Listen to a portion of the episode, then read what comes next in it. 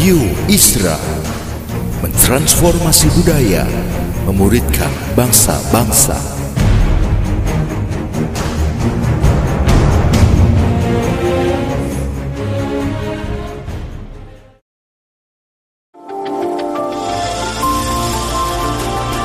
Voice of Pradaim menyuarakan paradigma kebenaran firman Tuhan yang esensi untuk memperlengkapi Anda menggenapi misi dan panggilan ilahi. Selamat mendengarkan.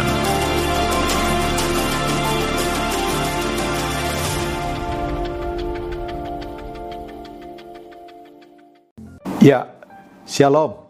Saya bersyukur pada Tuhan. Apa kabar semuanya? Saya yakin oleh kemurahan Tuhan, kita semua roh jiwa tubuh kita baik-baik dan sehat.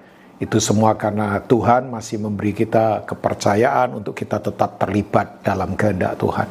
Saya bersyukur benar-benar pada Tuhan. Nah tanpa menggurui, tanpa sok tahu, tanpa paling pintar, tanpa merasa paling kuat sama sekali enggak.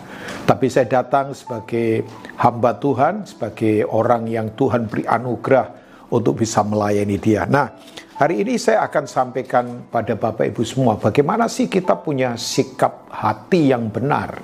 Ya, sikap hati yang benar. Saudara, tahun ini gereja saudara uh, temanya adalah The Year of Integrity, tahun integritas. Nah, saya ingin mengajak kita bagaimana sih kita punya sikap hati yang benar.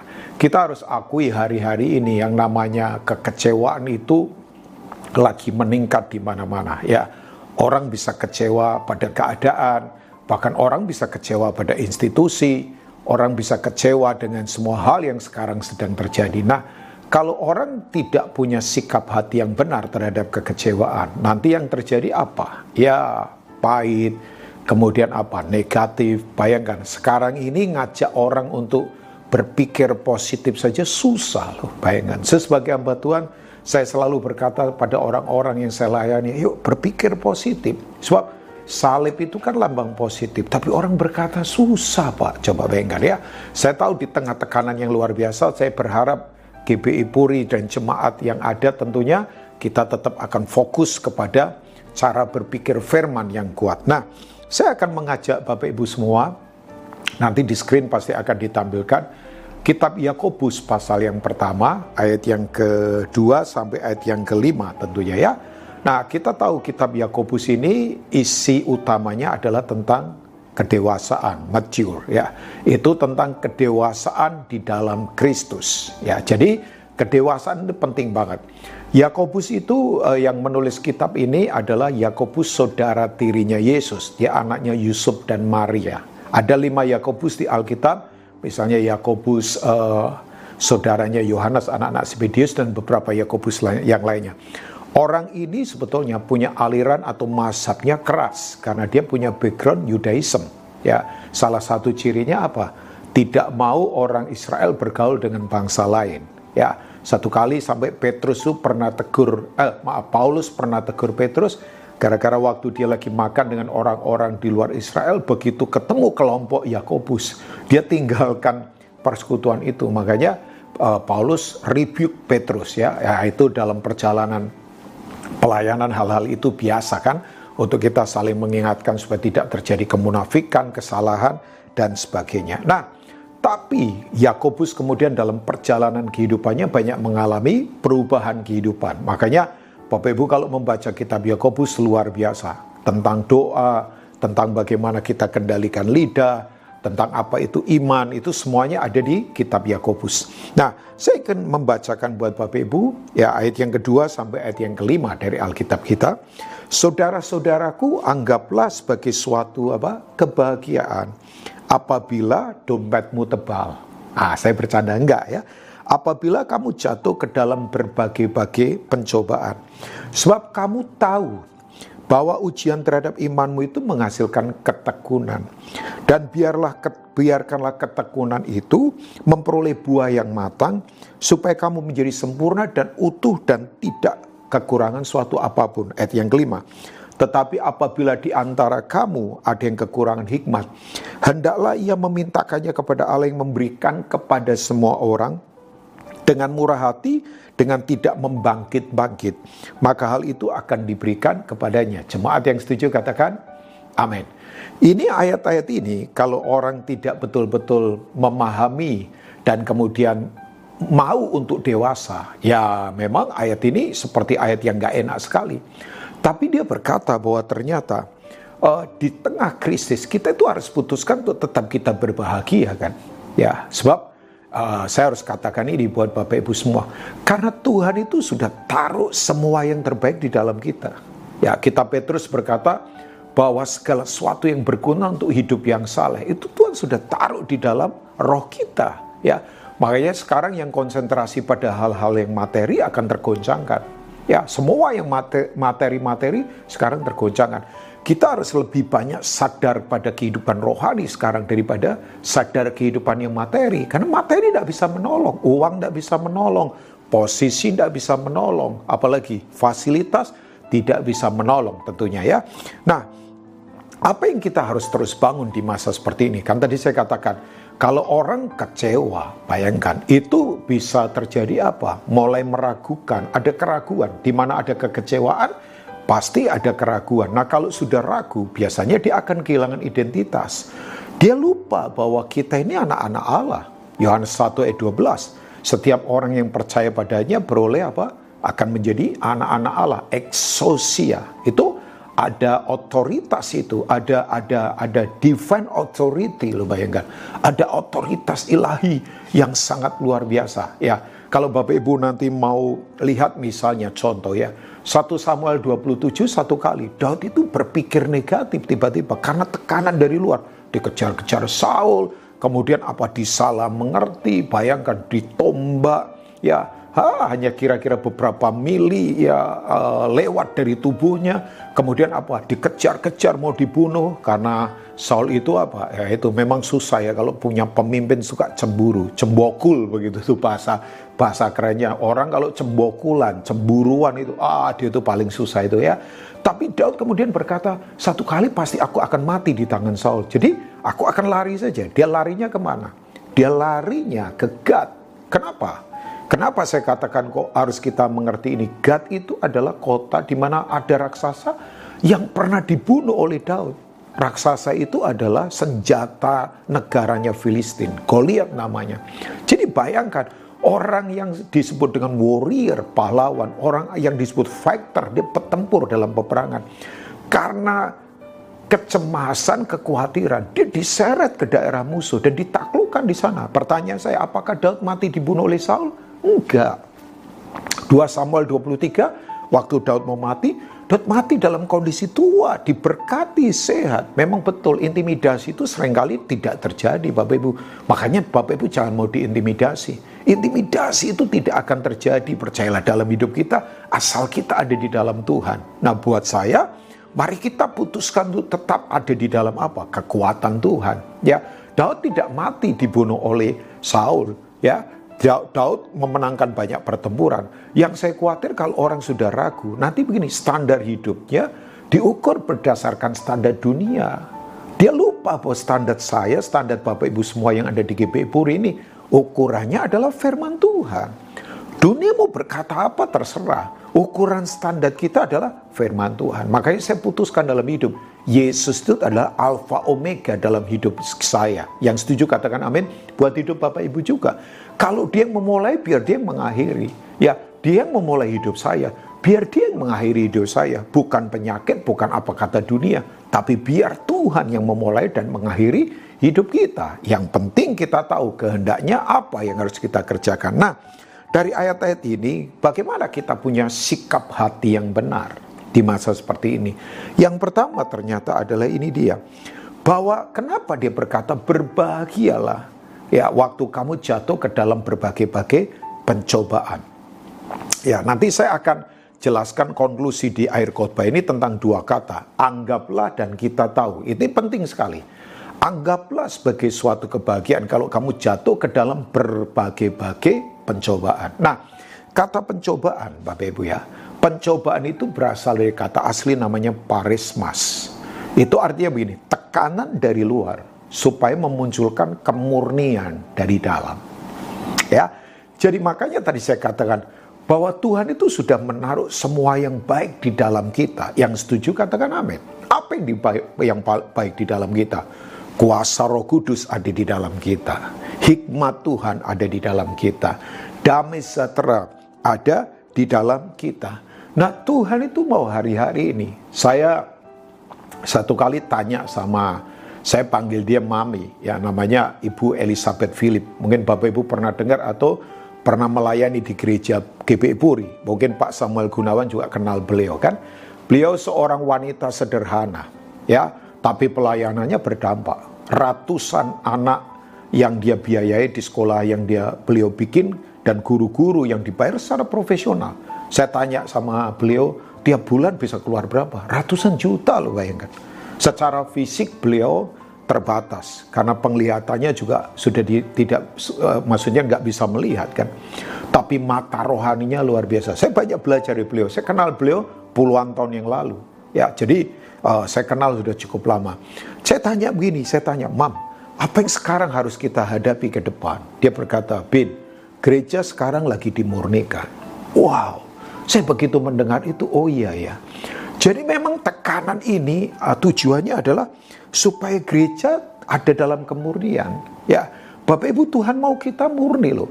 Makanya kalau Bapak Ibu membaca Matius 3 ayat 12, ya, uh, kitab Matius berkata begini, alat penampi sudah ada di tangannya. Dia itu akan memisahkan gandum dari jerami sekam, caf ya, ya sekam, jerami. Itu akan dipisahkan di tempat namanya tempat apa? Pengirikan. Tempat pengirikan itu kan tempat di mana gandum dipisah dari sekam. Jerami sekam itu sesuatu yang enteng, yang tidak ada isinya kan. Bapak Ibu semua tahu. Jadi Tuhan memang lagi murnikan gerejanya lewat tekanan-tekanan yang ada. Bahkan saya ini sebagai hamba Tuhan. Sekarang ini kalau saya boleh berkata, ini masanya di mana para pendeta betul-betul diuji loh. Apakah hidupnya itu, pelayanannya itu memang calling atau hanya sekedar uh, jabatan atau hanya sekedar apa sih profesi. Sekarang kalau orang pelayanan tidak calling, wih di masa seperti ini tidak gampang. Saya tahu secara finance gereja juga mengalami banyak uh, penurunan mungkin, ya kan pendeta-pendeta yang tadinya mungkin ya jadwal-jadwal ke mana-mana bisa saja berubah semuanya. Tapi it's okay. Buat saya itu hal yang yang asik malah karena saya sedang dimurikan dari dalam. Ya, Sebab Tuhan lagi memang mau punya mempelai yang tak bercacat celah. Jadi Tuhan memang lagi dimurnikan, lagi memurnikan maksudnya ya, bukan Tuhan dimurnikan, Tuhan lagi memurnikan. Seperti kalau Bapak Ibu baca kitab Daniel pasal yang ketiga, menurut para ahli, kitab Daniel itu kan kitab apokaliptik, itu kitab penyingkapan in the future, ya. Ada beberapa kitab yang memang menyingkapkan air zaman, Daniel, kemudian kitab Wahyu, dan kemudian ada beberapa nubuatan seperti Yeskiel dan sebagainya ya. Tapi di kitab Daniel menurut para ahli, senternya itu ada di pasal 3. Nah pasal 3 itu tentang apa? Perapian yang menyala-nyala kan. Ya Bapak Ibu, yang luar biasa nama Daniel nggak ada di situ. Ya, penulisnya Daniel, tapi Daniel nggak ada. Memang ini zamannya tidak ada lagi Superman. Semua harus pelayanan tubuh, ya komunal bersama-sama. Makanya saya prihatin kalau sesama anggota tubuh Kristus masih saling debat yang tidak perlu hanya soal dogmatika dan sebagainya. Aduh, saya prihatin sekali ya. Nah, Bapak Ibu, apa yang terjadi? Sadrah Mesa Abednego itu komunal ya. Jalan di dalam api tidak boleh sendirian, harus bersama-sama. Tapi saya ingatkan, waktu di dalam api, jangan ada yang bawa bensin. Nanti terbakarnya lebih parah. Bensin kepahitan, menggerutu, bensin kesombongan, dan sebagainya. Bapak Ibu tahu apa yang terjadi? Begitu mereka, kan mereka dimasukkan ke dalam api karena tidak mau kompromi dengan sistem Babel. Kita tahu ya, Bapak Ibu nanti baca saja.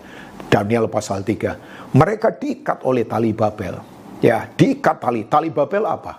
Banyak orang sekarang mungkin terikat tali Babel. Tali kenajisan, kenajisan, tali apalagi ketamakan, tali apa mamonas misalnya. Begitu kemudian mereka diikat oleh tali Babel, Bapak Ibu tahu yang terjadi. Masuk ke dalam api, itu tali Babelnya putus semua, lepas semua. Jadi Tuhan sekarang ini ternyata di balik api dia lagi hanguskan semua tali-tali Babel yang mengikat orang percaya. Supaya orang percaya betul-betul ada dalam kemurnian. Makanya tadi saya katakan, kita jangan sadar materi lagi sekarang Sadarlah yang rohani. Kalau saya bilang rohani bukan sok ngeroh-ngeroh. Ya, Bapak Ibu semua tahu lah, saya bukan tipikal orang yang suka ngeroh-ngeroh. Ada orang suka ngeroh kan. Ditanya bahasa Indonesia menjawabnya bahasa roh. Tapi hidupnya nggak rohani. Ya kan? Ya buat menurut saya buat apa? Orang yang rohani adalah hidup secara natural ya apa adanya tapi nilai-nilainya rohani, janji tepati, ya kan?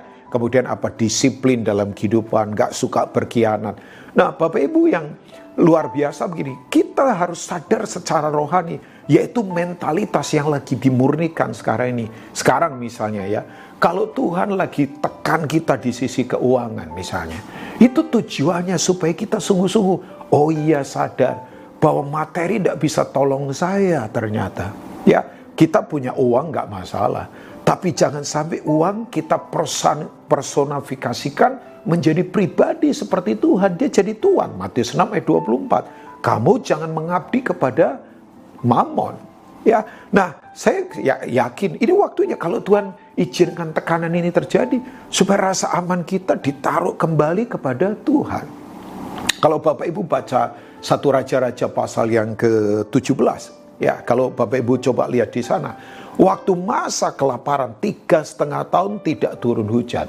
Saudara yang luar biasa, Tuhan suruh Elia. Elia itu adalah tokoh pergerakan, movement, gambaran movement. Saya berharap gereja Puri selalu ada di movement kan, ada di pergerakan ya. Bapak Ibu yang luar biasa, Tuhan suruh Elia ke mana? Tidak ke sungai Yordan. Sungai Yordan sungai besar loh. Ya, arusnya besar, tapi dia disuruh pergi ke sungai Kerit.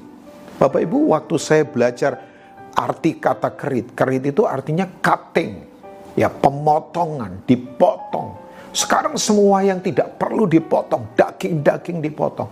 Tapi di sungai Kerit, Tuhan pelihara. Sungai itu kan bicara tentang pengaruh karena ada arus kan Bapak Ibu, mengalir. Walaupun alirannya nggak segede sungai Yordan. Tapi Tuhan tolong Elia. Lewat apa? Caranya Tuhan itu kalau punya humor tingginya luar biasa. Dia kemudian itu Bapak Ibu. Dipelihara Tuhan lewat burung gagak. Bayangkan burung gagak itu suaranya jelek loh. Suaranya jelek. Sekarang kan kita dengar suara jelek di mana-mana. Hoax begitu, suara jelek kematian. Lah burung gagak juga lambang kematian kan. Sekarang kita ada di atmosfer di mana kematian di mana-mana kan. Tapi yang lebih ngeri kan kematian-kematian mentalitas. Ya, makanya tragedi bukan mati kan. Mati dalam Tuhan itu nggak tragedi. Tapi kalau hidup sudah mati, nah itu mati pengharapan, mati sukacita dipeliharanya lewat burung gagak. Ya, suaranya jelek. Kan sekarang berita jelek di mana-mana. Terus kematian lagi. Tapi Tuhan pelihara pagi sore dikirim roti dan apa? Daging. Bayangkan. Ya, dikirim itu fresh uh, from heaven bayangkan. Itu segar dari surga. Itu masakannya para malaikat. Tuhan pelihara bayangkan. Jadi kalau sekarang kita mengalami tekanan itu Tuhan lagi murnikan. Kalau sekarang ini Tuhan lagi uh, apa sih namanya proses di sisi kesehatan misalnya. Ada tekanan di sisi itu. Tuhan izinkan terjadi itu terjadi. Ya ini maksudnya begini, supaya kita sadar makna hidup buat apa ya. Kalau saya sehat itu untuk apa sih? Ada banyak orang ketika sehat lupa hanya untuk mementingkan diri sendiri. Bagaimana liburan lebih banyak, bagaimana beli-beli barang lebih banyak, bagaimana kemudian memuaskan keinginan lebih banyak. Saya katakan ya punya uang tidak salah. Tapi kalau uang sudah jadi rasa aman, nah itu itu itu membuat Tuhan jadi cemburu dalam kehidupan. Karena dia mengasihi kita. Dia sangat menginginkan kita. Yang setuju katakan amin. Sebenarnya kalau saya bilang ya Bapak Ibu, ini untuk saya. Tuhan itu tidak butuh saya loh. Tuhan sempurna kok. Tapi dia ingin saya. Sementara maaf, banyak orang butuh Tuhan. Butuh ditolong, disertai, diberkati. Tapi belum tentu ingin Tuhan. Ya, kan itu nyesek banget buat Tuhan. Tuhan ingin Bapak Ibu, di mana pun Bapak Ibu sekarang berada, apa pun kondisi Bapak Ibu, Tuhan itu menginginkan Bapak Ibu, menginginkan Bapak Ibu lebih dari fasilitas, lebih dari kedudukan Bapak Ibu, lebih dari gelar Bapak Ibu. Dia mau kalau kita sehat, kita melakukan kehendaknya. Nah, jadi tekanan kesehatan membuat kita berpikir, sekarang ini saya yakin orang lebih berpikir, makna hidup untuk apa ya? Apa sih tujuan saya hidup? Bayangkan sekarang orang semua berpikir ke sana. Ya kecuali yang daplek-daplek ya, saya nggak tahu yang degil-degil maksudnya ya. Ya kalau ada tekanan-tekanan material sekali lagi, ya saya, seperti saya tadi saya katakan, supaya kita kembali kepada kehidupan rohani yang kuat. Jemaat puri yang mau, katakan amin. Jadi yang pertama adalah pencobaan itu kenapa berbahagia?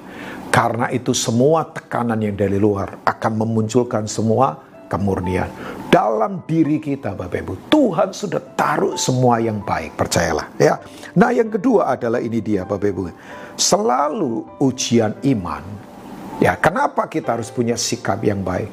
Semua iman itu harus melewati proses ujian. Selalu ujian iman itu akan menghasilkan karakter kedewasaan. Ya, kalau tadi kita baca di ayat yang keberapa itu ya, uh, ayat yang ketiga, bahwa ujian terhadap imanmu itu akan menghasilkan perseverance, perseverance ya, ketekunan. Ya, tekun itu apa, Bapak? Eh, tekun itu karakter gereja mula-mula waktu Roh Kudus melawat. Ya, mereka bertekun dalam pengajaran rasul-rasul. Mereka bertekun dalam persekutuan. Ya, sekarang kata tekun itu uh, saya agak prihatin, mulai hilang. Ya, orang harusnya tekun dalam Tuhan ya, tekun. Tekun itu begini, melakukan sesuatu terus-menerus dengan kesadaran dan perenungan yang dalam.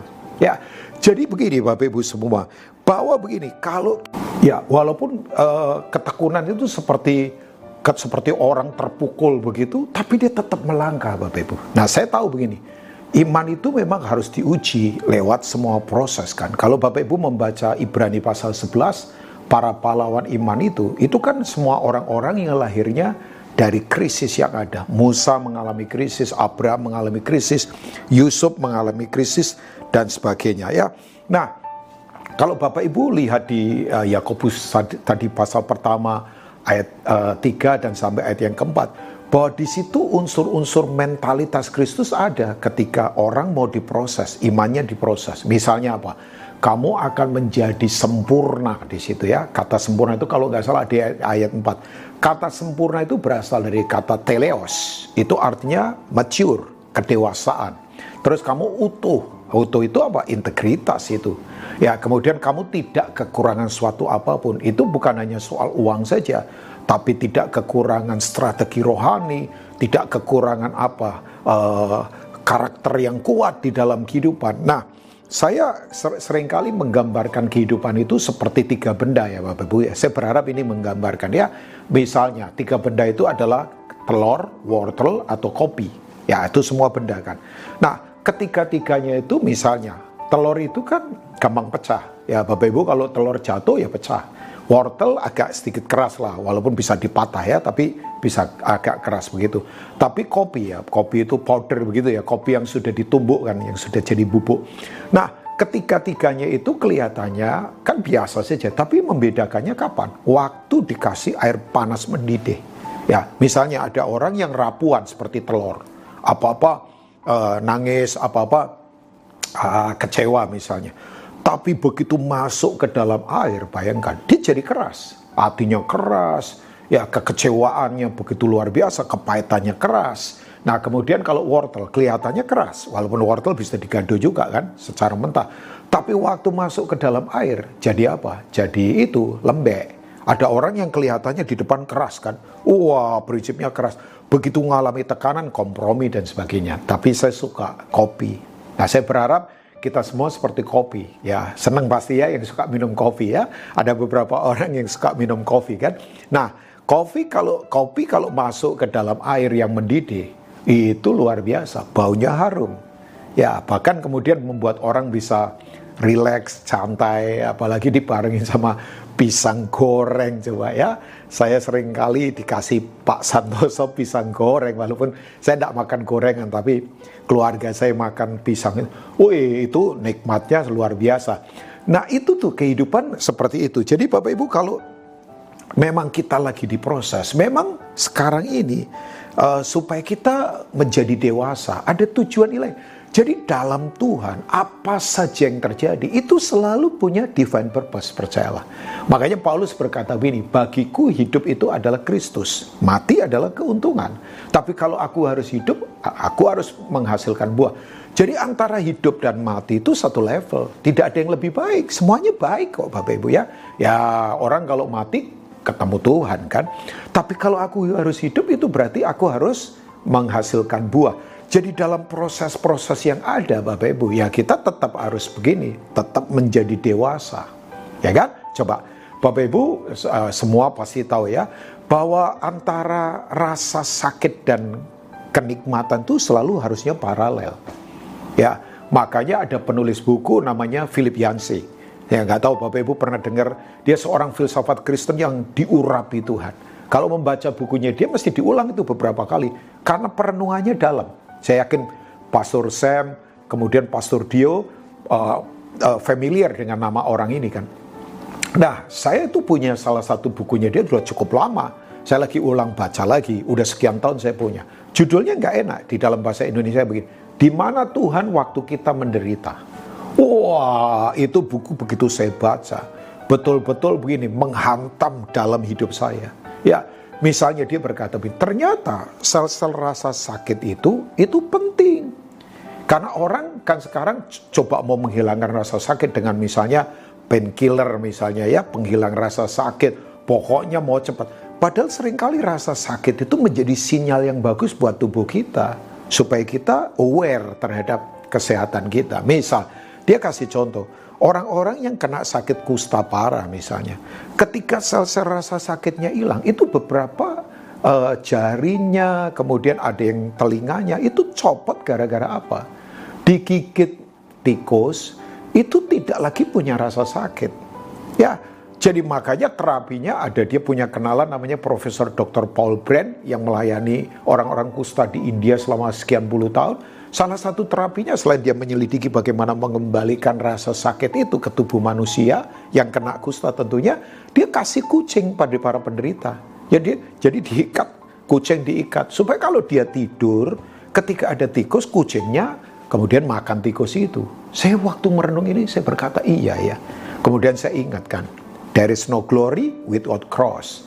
Tidak ada kemuliaan tanpa salib. Sorry ya, orang mau mulia tanpa salib pasti licik pasti suka shortcut, pasti suka ambil jalan pintas itu. Nah, Bapak Ibu begini, jadi semua yang terjadi itu tujuannya supaya mendewasakan. Saya yakin ini waktunya di rumah masing-masing di mana kita sekarang lagi banyak ditarik saat sabat riset, gereja lagi dilenturkan tangannya, lagi disiapkan tangannya untuk melenturkan anak busur panas supaya kita kuat. Gereja lagi dibangun lagi dari dalam. Ya memang nggak nyaman, nggak nyaman. Saya suka punya prinsip dalam hidup gini, nikmati saja ketidaknyamanan dengan cara senikmat-nikmata, eh, senikmat-nikmatnya. Mari kita nikmati semua ketidaknikmatan ini dengan cara senikmat-nikmatnya. Karena kita punya apa? Pengertian. Ya, kita punya pengertian. Ya, satu hamba Tuhan uh, uh, pernah sharing uh, seorang hamba Tuhan yang diurapi sudah almarhum. Dia pernah berkata begini, lawan daripada burung terbang itu adalah sayap yang diterjang oleh angin, ya udara. Jadi lawan dari burung adalah sayapnya terhadap angin. Lawan dari pesawat terbang adalah sayapnya dihantam oleh tekanan angin. Tapi tekanan angin itu kalau dihilangkan, burung tidak bisa terbang pesawat tidak bisa terbang. Lawan dari kapal untuk melaju ke pulau-pulau ke negara lain, ya, itu adalah baling-baling dihantam oleh tekanan air.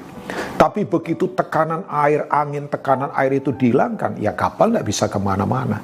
Jadi pada saat bersamaan itu menjadi opposite, menjadi musuh. Tapi pada saat bersamaan itu mendorong kita maju. Makanya kata problem, ya Bapak Ibu sering dengar kata problem, problem itu berasal dari kata Yunani yang artinya apa? Dilemparkan ke depan supaya lebih maju. Coba bayangkan, luar biasa ya. Makanya waktu Daud berkata dalam Mazmur 119 ayat 71 dia berkata, bahwa aku tertindas itu baik bagiku. Bayangkan, supaya aku belajar ketetapan-ketetapan Tuhan. Jadi belajar paling bagus memang adalah lewat experience kehidupan. Saya kalau berkata begini bukan kita cari masalah, kita cari apa. Tapi di tengah situasi yang tidak gampang ini, saya percaya ini waktunya akan bangkit pahlawan-pahlawan yang kuat. Bahkan saya bernubuat di gereja Puri ini akan bangkit next generation ya yang sungguh-sungguh dipakai Tuhan. Saya senang sekali melihat Pastor Dio dengan angkatannya Tuhan pakai dan beberapa anak muda yang lainnya di bawahnya Pastor Dio yang uh, Tuhan lagi siapkan. Saya percaya akan terjadi movement yang luar biasa ke depan ini. Ya, saya yakin. Jadi ujian-ujian ini akan mendewasakan kita kan. Ya, Bapak Ibu yuk, mari kita melihat ini dengan sudut pandang yang benar. Pertempuran Daud dan Goliat itu bukan sekedar pertempuran fisik kan. Itu pertempuran apa? Pertempuran sudut pandang terhadap kehidupan. Ya kan? Daud itu datangin Goliat dengan pakaian sederhana, pakaiannya sendiri dia coba dipinjemin pakaian tentaranya Saul kegedean dan tidak bisa dia. Dia pakai pakaiannya sendiri sebagai gembala. Dia datang dengan ketapel, dia ambil beberapa butir uh, batu kecil yang ada di sungai. Ya, waktu dia datangin Goliat, bayangkan Goliat tinggi besar tapi Alkitab berkata begini, cara berpikir Goliat itu cara berpikir yang salah. Pikirannya cuma isinya anjing saja, pikirannya najis. Makanya dia berkata, anjing ke aku, kamu mendatangi aku dengan ketapel. Jadi pikirannya itu pikiran yang salah. Tapi Daud punya cara berpikir yang berbeda. Aku datang dengan nama Tuhan semesta alam. Jehovah Sabaoth. Ya, Allah bala, bala, bala tantara surgawi. Bapak Ibu percayalah. Kita ini punya sudut pandang. Eh, Tuhan berdaulat, Tuhan dahsyat. Apa pun yang terjadi, dia tetap pegang kendali. Orang sekarang berkata, apakah ini virus karena konspirasi? Ya, saya tidak mau ke sana terserah, ya kan? Bapak Ibu mau konspirasi, mau apa? Memang virusnya ada yang jelas. Tapi kita punya Tuhan yang lebih besar. Jangan besar-besarkan virus sudah. Kata corona itu artinya kan mahkota. Kita tidak perlu mahkotai virus. Tetap mahkotai anak domba Allah yang sudah disembeli yang menyelamatkan dosa dunia ini. Yang setuju katakan amin. Makanya Daud begini, kalahkan Goliat. Itu bukan sekedar pertempuran fisik. Fisikal Daud kalah. Tapi ini soal mentalitas. Daud penggal kepalanya. Dan kemudian begini, Israel menjarah musuhnya. Ya, nah hal yang sama. Ujian ini akan mendewasakan kita. Tapi yang ketiga, Bapak Ibu, saya tutup dengan ini saat krisis yang seperti sekarang ini kita terjadi, Tuhan akan berikan buat kita hikmat dari surgawi. Makanya di ayat yang kelima dari Yakobus 5 ya, 1 tadi, tetapi apabila di antara kamu ada yang kekurangan hikmat, hendaklah ia memintakannya kepada Allah yang memberikan uh, kepada semua orang dengan murah hati dan seterusnya. Bukan tidak ada hikmat, tapi kekurangan hikmat. Ada, tapi orang tidak terkoneksi ke dalam. Karena orang tidak mau selalu uh, apa namanya mericek yang di dalam. Nah, hikmat itu kan berasal dari kata Sofia. Itu ide dasar pemikiran yang kuat. My question, siapa hikmat kita? 1 Korintus 1 ayat 30. Ya, nanti tim multimedia bisa tampilkan. Tetapi Kristus itu jadi Kristus adalah hikmat bagi kita. Yang Bapak Ibu yang percaya katakan amin. Makanya betul, dia ada di dalam kita saya punya prinsip dalam kehidupan, kekristenan itu jangan modelnya internalisasi, sesuatu yang dari luar ke dalam. Tapi harus manifestasi dari dalam keluar.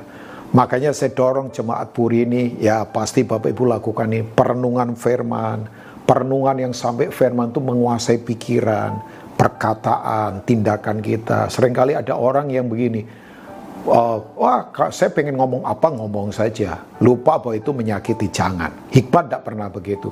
Kalau Bapak Ibu baca Yakobus 3 ayat 17 dan seterusnya Yakobus 3 ayat 17 dan 18 hikmat itu bukan sekedar teori. Hikmat itu adalah lifestyle pola hidup. Pola hidup apa? Pola hidup Kristus yang menyerang semua kedagingan dan keegoisan.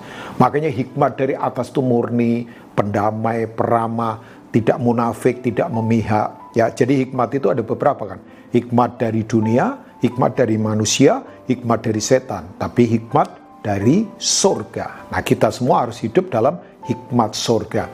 Makanya betul, kalau orang punya hikmat, kedalamannya kuat. Tuhan sekali lagi sudah taruh banyak hal besar di dalam kita. Ya, itu tinggal dikeluarkan. Misal, misal, saya kasih contoh ya. Ada seorang dokter. Ya, dokter ini dia waktu praktek di rumah sakit atau mana karena kecewa dengan sistem yang ada. Kok lihat begini hanya cari untung. Kecewa. Kemudian dia tinggalkan profesi sebagai dokter jadi petani jadi petani. Tapi waktu di pertanian itu ternyata terjadi wabah di daerah itu. Nggak tahu wabah apalah sakit apa. Eh kemudian dia tolongin orang-orang yang ada di situ dengan ilmu kedokterannya dia. Dan banyak yang sembuh. Dan setelah itu dia sadar oh iya saya itu ternyata berfungsi harusnya menjadi dokter. Itu ada hikmat dari dalam yang harus dikeluarkan dari dalam. Nah, semua itu ada pada kita waktu kita percaya Yesus. Yang percaya katakan amin Bapak Ibu. Makanya kita tidak perlu internalisasikan sesuatu yang dimasukkan dari luar, tapi kita manifestasikan apa yang Tuhan sudah taruh di dalam hidup kita. Nah, saya tadi sudah katakan di awal saya sharing bahwa ada dua kata kunci anggaplah dan apa? Kita tahu itu ayat yang kedua dan yang ketiga dari kitab Yakobus. Anggaplah itu memakai kata hegiome bahasa Yunani. Itu pikiran utama yang sudah dipersiapkan karena kita kuat dalam perenungan firman. Nah, kita tahu itu adalah pengetahuan yang kuat, ya. Pengetahuan yang kuat. Ya, ada beberapa itu, ada beberapa urutan tentang pengetahuan ya, yaitu asumsi, Kemudian yang kedua adalah hikmat. Kalau asumsi itu tidak punya dasar yang kuat. Tapi hikmat itu adalah dasarnya firman Tuhan. Saya berdoa jemaat puri kita akan tetap punya sikap hati yang benar. Sekali lagi ini uh, keadaan akan bakal panjang Bapak Ibu. Tapi percayalah orang-orang yang selalu punya kekuatan yang dari Tuhan tak akan terkalahkan oleh apa pun. Terima kasih untuk waktu Bapak Ibu mau mendengarkan sharing yang sederhana ini. Hopefully ini jadi berkat buat kita semua.